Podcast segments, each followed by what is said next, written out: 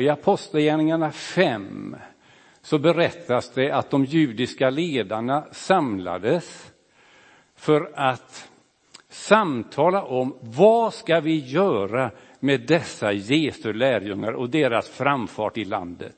Hur ska vi få stopp på det? Då är det en klok ledare bland dessa judiska ledare, Gamaliel, som säger vi kanske inte behöver göra så mycket. Och sen ska jag citera så vi får texten helt rätt ifrån eh, vers 38. Därför säger jag er nu, lämna de här människorna i fred och låt dem gå. Om detta är människors påfund och verk försvinner det av sig självt. Men är det från Gud, då kan ni inte krossa dem. Det Gud gör, det är hållbart. Jag vet inte om Gamaliel rent av hade en känsla att detta kommer att bestå i många år. 2000 år. Är den kristna tron hållbar? Ja. Det finns många andliga rörelser som poppar upp och är väldigt populära och attraktiva ett tag, som eh, dagfjärilar. Men det försvinner. Men det som håller i längden, det är det som Gud gör. Hållbar andlighet, vänner, det finns vi mitt där.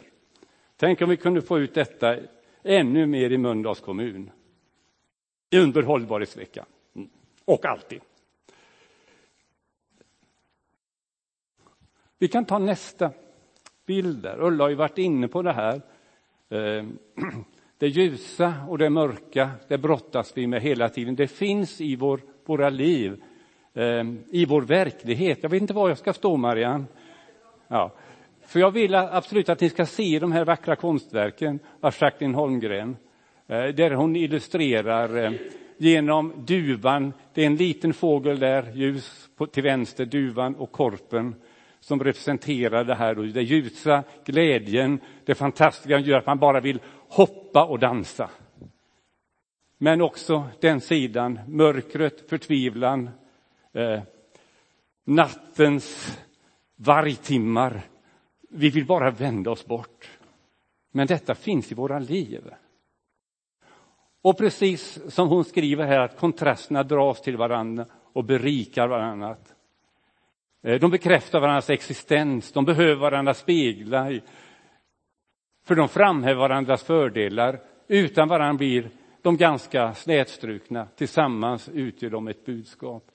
Eh, vi kan inte veta riktigt vad glädje är om vi inte har upplevt sorg. Det är så det är tänkt. Eh, och här kommer också tro och tvivel in. Eh, tvivlet ska hjälpa oss att få en hållbar tro. Så är tanken. Och nu vill inte jag så tvivel här idag, tvärtom. Jag vet nämligen att alla tvivlar, för vi har den sidan också. Det behöver inte vara att vi tvivlar på Guds existens, men vi tvivlar kanske på att vi har fattat saken rätt. Eh, eller att som församling att vi gör det som är rätt. Och det är bara nyttigt att tvivla, reflektera. Har jag fattat det rätt? Eller måste jag justera någonting? Och då kan tvivlets frågor hjälpa oss att få en hållbar tro, en hållbar andlighet. Det är själva tanken med den här predikan. Annars, om vi inte vågar utsätta vår tro för någonting så kan det bli som en skör julgranskula. De var väldigt sköra förr i alla fall. Men bara man petar på dem så gick de sönder. Tanken är att vi ska få en hållbar tro.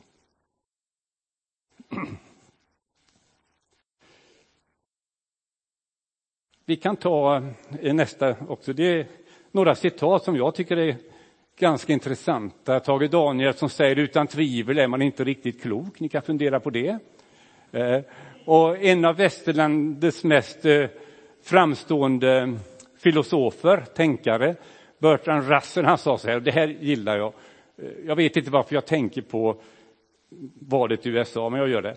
Problemet med vår värld är att den dumme är så säkra på sin sak och de kloka är så fulla av tvivel. Ni kan tänka på annat, men jag råkar göra det. Eh, Astrid Lindgren, citatet är ju helt fantastiskt, för att det var en intervju. Och hon fick faktiskt säga så, nej, i grunden tvivlar jag faktiskt på att Gud finns. Men hon tvivlar på sitt tvivel.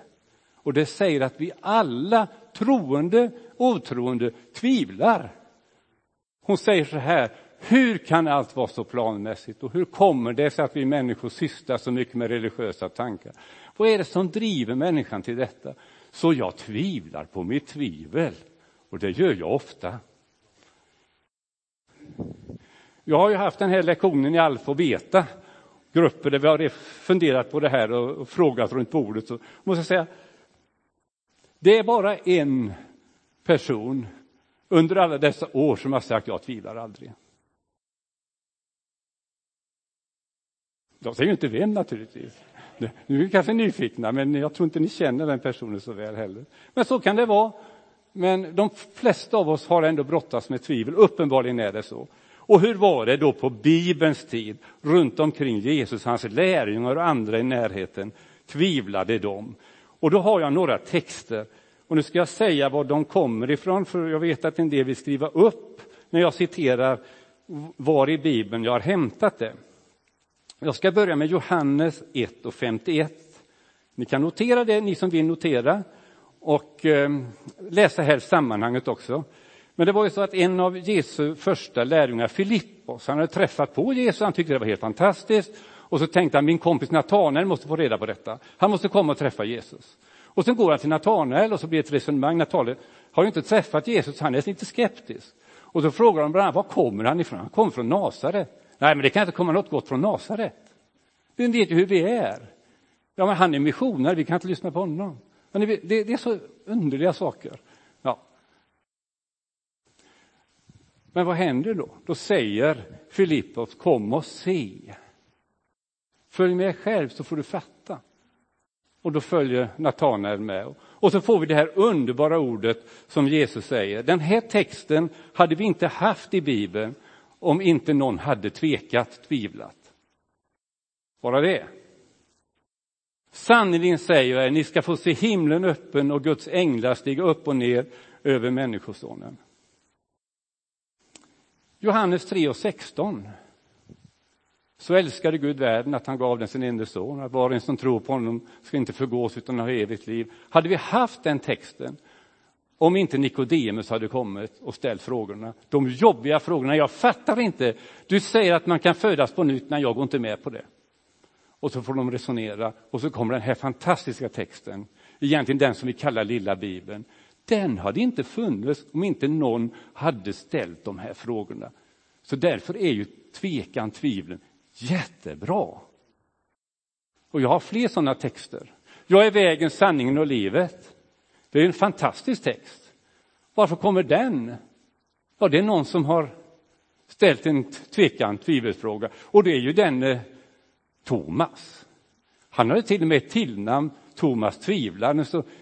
Och det är många gånger som man läser i Bibeln att han liksom reflekterade och ifrågasatte. Eh, I Bibeln har ett annat namn på honom som egentligen är Thomas tvillingen. Eh, didymos tror jag det grekiska är. Didymos, men vad betyder det? Två krafter egentligen. Och det finns en del exeget, jag vet inte om du har hört detta Ingemar, men de säger att nej, han var inte biologisk tvilling. Nej, utan det uttrycker att han hade två sidor inom sig, tron och tvivlet. Två krafter så. Och när Jesus säger så här, nej men nu ska jag gå iväg och jag ska göra i ordning dit ni kan komma sen. Och då säger Thomas, men jag fattar ingenting. Hur ska vi veta vart du går? Du säger ju inte vart du går. Och då svarar Jesus, jag är vägen, sanningen och livet. Ingen kommer till Fadern utan genom mig. Hade inte Thomas ställt den frågan hade vi inte haft det underbara bibelordet. Ska vi ta ett till för säkerhets skull? Jesus säger att Johannes döparen är den största av människa född.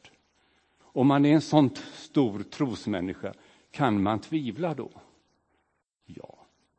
Det beror på vad som händer i livet. Ni vet ju att han hamnade i fängelse, vi behöver inte ta hela berättelsen. Johannes döparen hamnar i fängelse för vad han har gjort. Och då börjar han att undra, är hela grejen fel? Har vi fattat det här? Helt fel. Jesus kanske inte är den som skulle komma. Och så brottas han, sitter i fängelse och brottas med det. Vad ska han göra? Jo, han har några lärjungar som besöker honom. Och då skickar han de lärjungarna till Jesus. Och då ställer frågan rakt upp och ner till Jesus. Är du den som skulle komma? Ja, då kan vi tänka, vad ska Jesus svara? Tror ni att det hjälper om man säger ungefär så här? Gå nu tillbaka till Johannes döparen och säg att jag är den jag är och jag är den som skulle komma. Det hjälper inte jättemycket. Om otron finns där, tvivlet. Vet ni Jesus svar? Ingen har vet det, men jag ska läsa det till. Ja, det är helt fantastiskt. Ta reda på fakta, skulle jag vilja säga. Ta reda på fakta. Då säger han så här. Gå och berätta för Johannes vad ni hör och ser.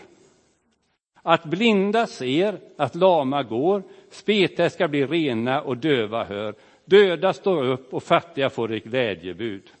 Tala om det för Johannes, sen får han avgöra själv om det är jag är den som skulle komma eller inte. Vilket fantastiskt svar.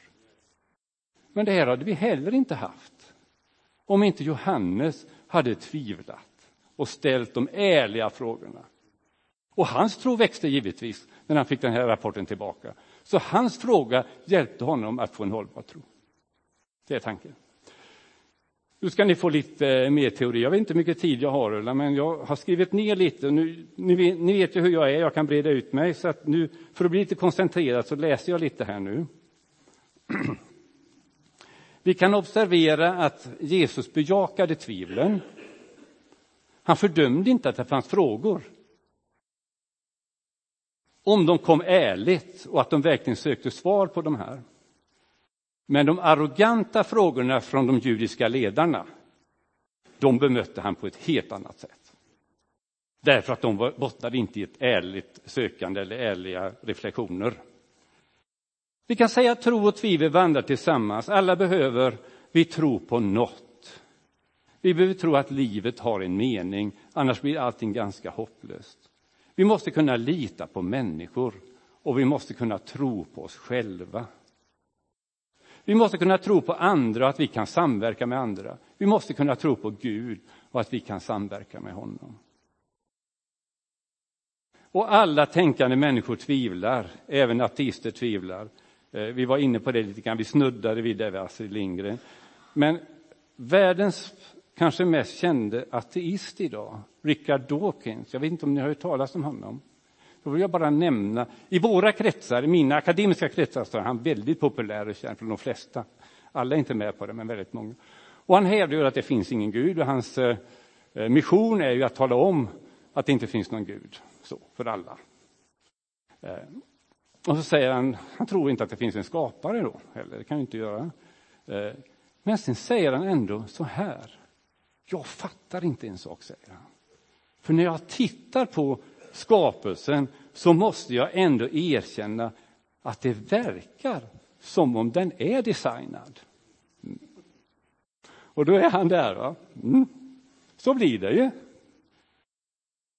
Så det finns hopp för honom. Fortsätter han att fundera där så är han snart framme. Eh, vi kan läsa om trons hjältar i Hebreerbrevet 11. Och då finns det en person som kallas för trons fader. Det är inte illa, va? Det är ingen av oss som kan ta på sig en sån epitet. Trons fader, Abraham, tvivlade han? Svar ja. Han tvivlade. Så när vi känner att det här vi är lite osäkra ibland så vi alla i samma båt. Till och med trons fader. Så det är inte farligt. Men sen växer man i de här frågorna. Eh, Abraham tvekade ju på om Guds löfte var korrekt, att han skulle få en son. Men sen var det ju det. Så det är klart han växte i hela den här processen. Och så gör vi också, om vi vågar brottas med det. Det finns en bild av en stege som någon har använt och bilder är till för att hjälpa om ni tycker att den hjälper. Annars får ni bara glömma den.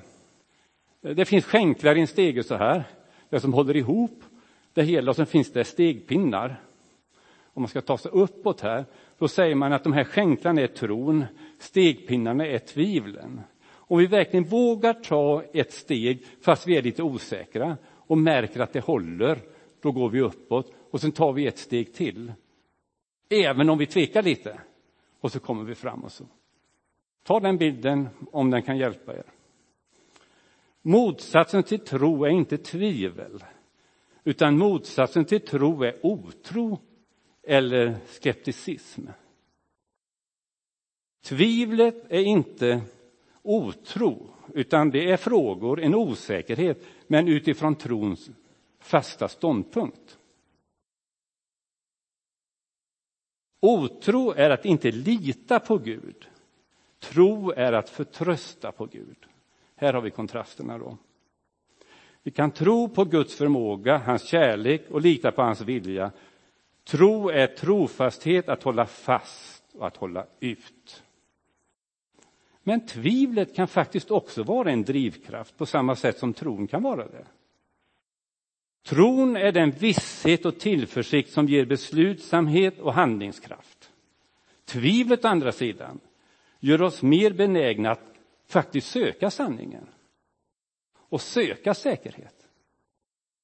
Har jag verkligen fattat detta rätt? Kommer ni ihåg att Thomas, den som tvivlade, tvivlaren, det var han som fick komma fram till Jesus och känna i händerna. Det står inte att de andra lärjungarna gjorde det.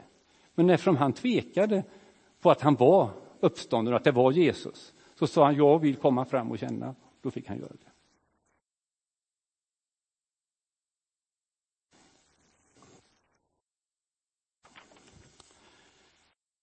Enligt Efesierbrevet 2 och 8 så är tron en gåva. Ty av nåd är ni frälsta genom tron, inte av er själva. Guds gåva är det. Så det är en gåva för alla. Vi kan ta emot den. Men tron är också ett ställningstagande. Martin Luther säger så här, när han talar om tron, det är att frivilligt överlämna sig till Gud. En glad satsning på Guds kärlek. Det är tro. Tron kommer av predikan, säger Bibeln, Romarbrevet 10 och 17. Alltså berättelsen, vittnesbördet och Bibeln är viktiga. För att eh, underhålla sin tro och få den att växa och bli hållbar. Så bygger tron på förkunnelsen och förkunnelsen bygger på Kristi ord. Så står det. Det ska vi leva på. Tro är normaltillståndet enligt Jesus. Så det är inte det normala att tvivla, men det, det förekommer som en ingrediens, som en kontrast. Men normaltillståndet är att tro. Varför tvivlar du? säger Jesus till Petrus när han gick på vattnet men sjönk. Och till de judiska ledarna säger Jesus, varför trodde ni inte på Johannes döparen? Det, det normala är faktiskt att tro.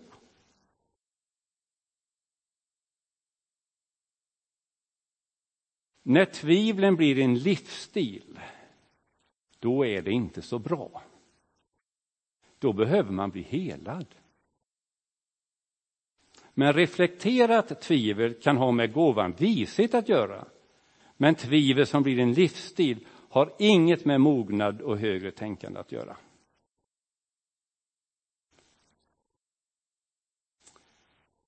Vad är då syftet med att vi talar om tvivel idag? Det är att vi ska hitta botemedel. För vi ska inte fastna i tvivel i den meningen att det blir som en livsstil. Och det är det jag tänker att ni ska få samtala om eh, vid serveringen i grupperna. Vilka botemedel har vi? Vad kan hjälpa oss? Hur kan vi hantera tvivlen så att tron istället växer? Att vi växer som kristna och får en hållbar tro. Nu ska ni bara få se vilka frågor ni får. Jag kommer inte fördjupa mig i dem då. Eh, utan jag, jag har tänkt, ni kan säkert hitta andra. Nu tar vi nästa. Eh, ni kan säkert hitta andra orsaker till tvivel, men det här var jag listade då. Och det som vi hade haft i vår betagrupp. Eh, vi kan tvivla därför att vi är i minoritet. De flesta tror ju inte. Då undrar man, kan vi ha rätt som är så få? Och så spänningen mellan det verkliga och det fullkomliga, som jag brukar säga och andra, redan nu men ännu inte. Varför verkar inte stämma allt som står i Bibeln och som, som de säger att till exempel så fort man ber, när man är sjuk så blir man frisk. Det, det verkar inte stämma varenda gång. Och då är klart, då får man leva med någonting annat Eh, redan nu händer detta nu och då, glimtar av himmelriket, men vi är inte i fullkomliga världen än. Och då får man förstå det här tvivlet och svara på det då, med det. Eh, och vi är oförmåga, oförmögna att eh, förstå allting, vi är begränsade.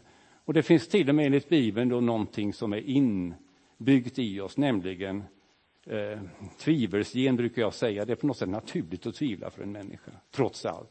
En del kallar det för arvsynd eller någonting. Vi har olika begrepp för detta. Jag väljer att kalla det för tvivelsgen.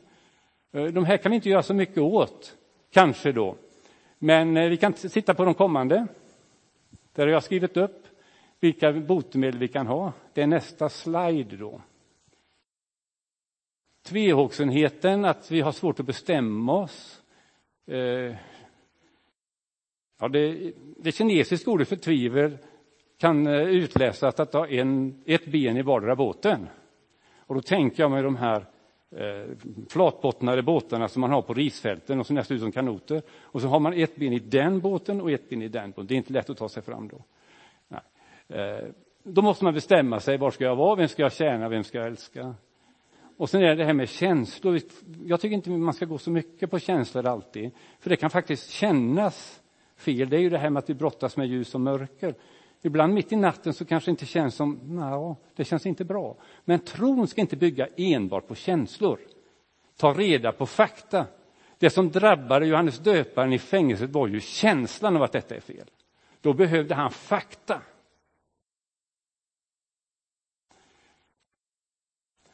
Ta reda på fakta, ja. Dålig teologi, då är det naturligtvis positivt att tvivla om det skulle vara så att man lyssnar på fel lärare och så där. Eh, då får man satsa på bra teologi och eftersom jag har det i alfa och beta så brukar jag utmana lite och säga gå alfa och beta då så kan vi tillsammans på något sätt samtala om detta så kanske det hjälper, vi hjälper varandra. Negativa erfarenheter av familj, församling, andra relationer, det där är ganska många som är där alltså. Så det måste vi ha respekt för. Gud älskar mig bara när jag lyckas. Det är en del som nästan uttalar något sånt. Då är det också naturligtvis själavård och studier som hjälper oss. Jag tror vi har en slide till, det är den sista då. Hur hanterar jag tvivlen? Då tar vi exemplen som jag nämnde. Och då är det kom och se var det ju, ni får kolla själva. Mm. Eh, uttryck för Jesus vad du tycker och känner. Du kan komma till honom även om du känner att du är i djupaste tvivel. Kryp upp i hans knä och känn, så kommer tron tillbaka. Och det här punkten två, det är bara för mig då, för att jag håller på hela tiden där. Kämpa mot det ständiga analyserandet, mot självfixering, det vet jag inte om jag har, men och mot fokus på problemen. Det är ju liksom, det har med det akademiska att göra, jag ber om ursäkt, men jag är väldigt ofta där att analysera kanske väl mycket. Mm. Eh, vi är ju olika. Bestäm dig, gör Guds vilja, var aktiv, fortsätt att bekänna. Prioritera församlingsgemenskap vill jag ändå trycka på, nämligen eh, att, in, att se församlingen som en resurs när livet går sönder. Min erfarenhet är tyvärr, och det är fullständigt begripligt, att människor som hamnar i en sån situation också drar sig undan församling. Och jag vet det, jag förstår det, för man kanske inte ens tar sig ur sängen. Men då är församlingen större än kyrkan, så församlingen kanske kan komma till sängen. Ja. Men i alla fall, eh, överge inte församling. Jag brukar säga, släck inte ljuset när mörkret tilltar. Använd det ljus som finns och församlingen ska vara det. Vad står det i Hebreerbrevet 10 och 25?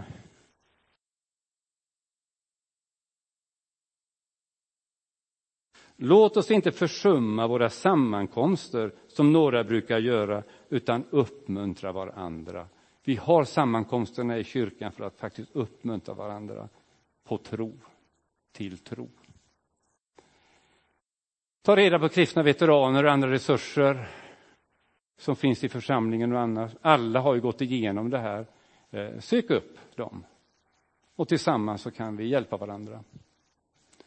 Och sen är det det att vi förstår inte allt. Och det får vi försona oss med. Hur underlig är du i allt vad du gör? Emil Gustafssons sång, den tycker jag är fin. Jag tror jag har en... en det, här, det här kan ni få samtala med i grupperna, så jag går inte närmare in på det. Men ändå vill jag ta den sista för att eh, det finns ju människor som jag tycker reflekterar i det här att vara människa. Thomas Tranströmer gör det fantastiskt att vara människa på ett väldigt ödmjukt sätt. Eh, skäms inte för att du är människa, var stolt. Inuti det öppnar sig valv bakom valv, oändligt. Du blir aldrig färdig och det är precis som det ska. Vi blir inte färdiga med det här brottningen, men vi får fortsätta för vi är människor. Jag vill säga något om Gunnar Wallqvist då. Därför att när hon lämnade jordelivet och lämnade också en stol i Svenska Akademin. Det kanske ni, några av er känner säkert till detta. Och man hade ju önskat att i eftermälet någonstans i de vanliga tidningarna hade fått läsa någonting om hennes starka, fasta kristna tro.